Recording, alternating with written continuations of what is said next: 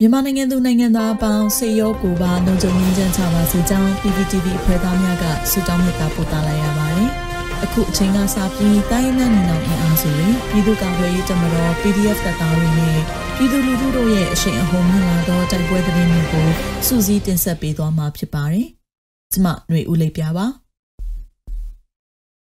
ပထမဆုံးအနေနဲ့စောမြို့နယ်ကျင်းလင်ရွာအနီးတွင် CDF တပ်ဖွဲ့ပစ်ခတ်မှုကြောင့်စစ်ကောင်စီ၏ရဟတ်ရင်တစည်းမိကိုထွက်ပြီးအရေးပေါ်ဆင်သက်ခဲ့ရတဲ့ဆိုတဲ့သတင်းကိုတင်ဆက်ပေးမှာပါ။မကွေးတိုင်းစောမြို့နယ်ကျင်းလင်ရွာအနီးနိုဝင်ဘာလ19ရက်နေ့တိုက်ပွဲတွင်ချင်းဒေသကာကွယ်ရေးတပ်ဖွဲ့ CDFE ပစ်ခတ်တိုက်ခိုက်မှုကြောင့်အကြမ်းဖက်စစ်ကောင်စီ၏ရဟတ်ရင်တစည်းမိကိုတလူလူဖြင့်ကြောက်ထုလေရင်ကွင်းသို့ရေးပေါ်ဆင်သက်သွားကြောင်း PDF စောကသတင်းထုတ်ပြန်ပါတယ်။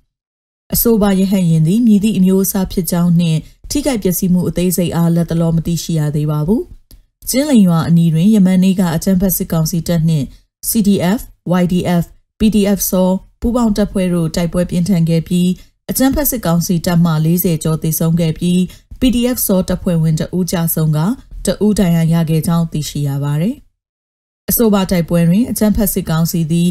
MI35B အမျိုးအစားတိုက်ခိုက်ရေး ရဟတ်ရင်အုံပြုကဝေဟင်မှပြစ်ခတ်တိုက်ခိုက်ခဲ့ကြောင်းဒေသခံကာကွယ်ရေးတပ်ဖွဲ့များကပြောပါရယ်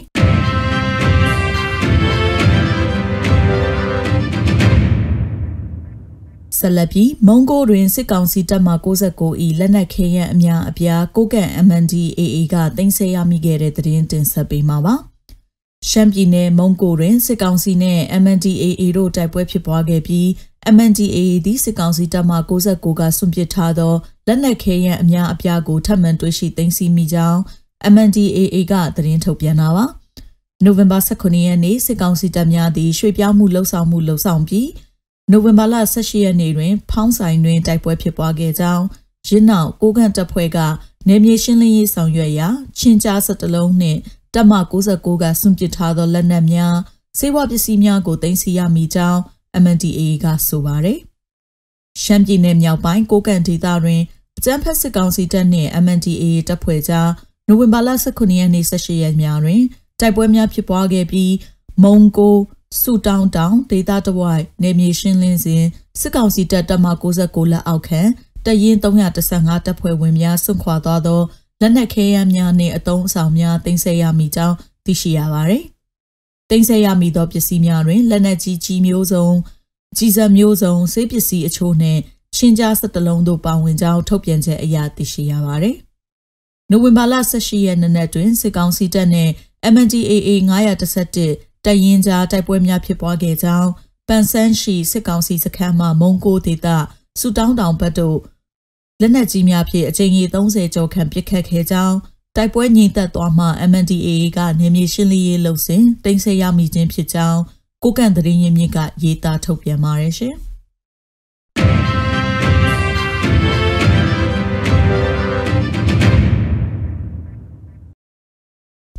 ဆက်လက်ပြီးဖပွန်ခရိုင်တွင်စစ်ကောင်စီတပ် BGF ပူးပေါင်းတပ်နဲ့ KNL ကြားနှစ်ရက်အတွင်းတိုက်ပွဲ၃ချိန်ဖြင့်စစ်ကောင်စီဘက်မှ3ဦးသေဆုံး4ဦးဒဏ်ရာရတဲ့တည်င်းတင်ဆက်ပေးမှာပါ။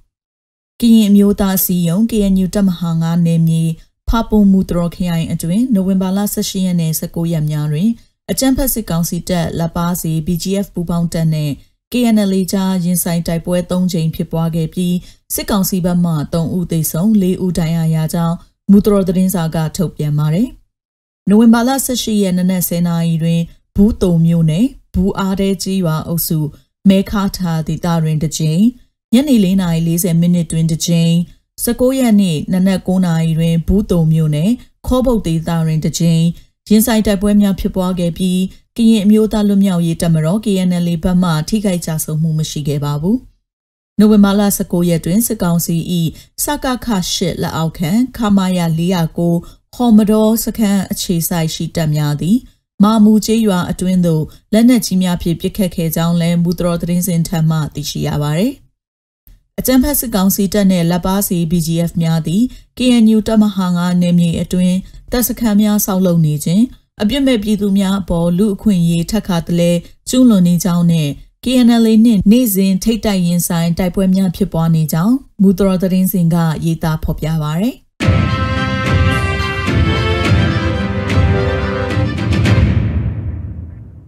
ဆလပီနိုဝင်ဘာလ19ရက်စကိုင်းတိုင်းတိုက်ပွဲသတင်းအချင်းချုပ်ကိုဖော်ပြပေးပါမယ်။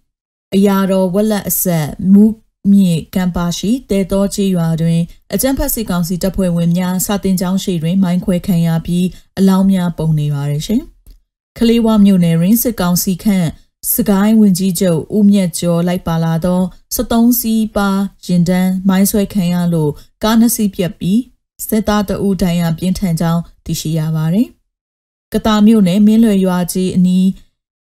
KIA ကတာ PDF နဲ့ကတာဒေတာကာကွယ်ရေးတပ်များတိုက်ပွဲဖြစ်ပွားခဲ့ပြီးအထီးအခိုက်မသိရသေးပါဘူး။ထို့အတူရင်းမာပင်မြောက်ရမားတပ်နှင့်စစ်ကောင်စီရှေ့ပြေးချီလင်းတပ်တို့ထိတွေ့မှုဖြစ်ခါစကားစ3ရောက်သေးပြီးအပြစ်မဲ့ပြည်သူတို့ပြစ်တက်ခံရတယ်လို့သတင်းရရှိပါရရှင်။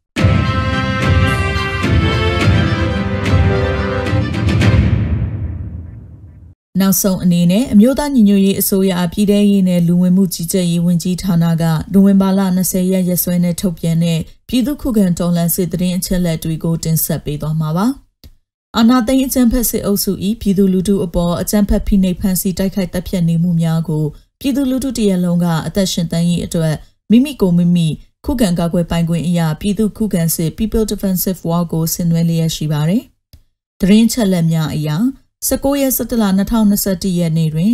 စစ်ကောင်စီတပ်ဖွဲ့ဝင်89ဦးသေဆုံးပြီးထိခိုက်ဒဏ်ရာရရှိသူ35ဦးအထိခုခံတိုက်ခိုက်နိုင်ခဲ့ပါတယ်။စစ်အာဏာရှင်စနစ်မြန်မာမြေပေါ်မှာအပြည့်တိုင်ချုပ်ငြိမ်းရေးနဲ့ Federal Democracy တည်ဆောက်ရေးအတွက်ငြိမ်းချမ်းစွာဆန္ဒပြသည့်လူထုတပိတ်တိုက်ပွဲများကပြည်내နဲ့တိုင်းဒေသကြီးများမှာဖြစ်ပွားပေါ်ပေါက်လျက်ရှိပါတယ်။မြေပြင်မှာယခုတွေ့ရတဲ့သတင်းချက်လက်များထက်ပို၍ဖြစ်ပွားနိုင်ပါတယ်ရှင်။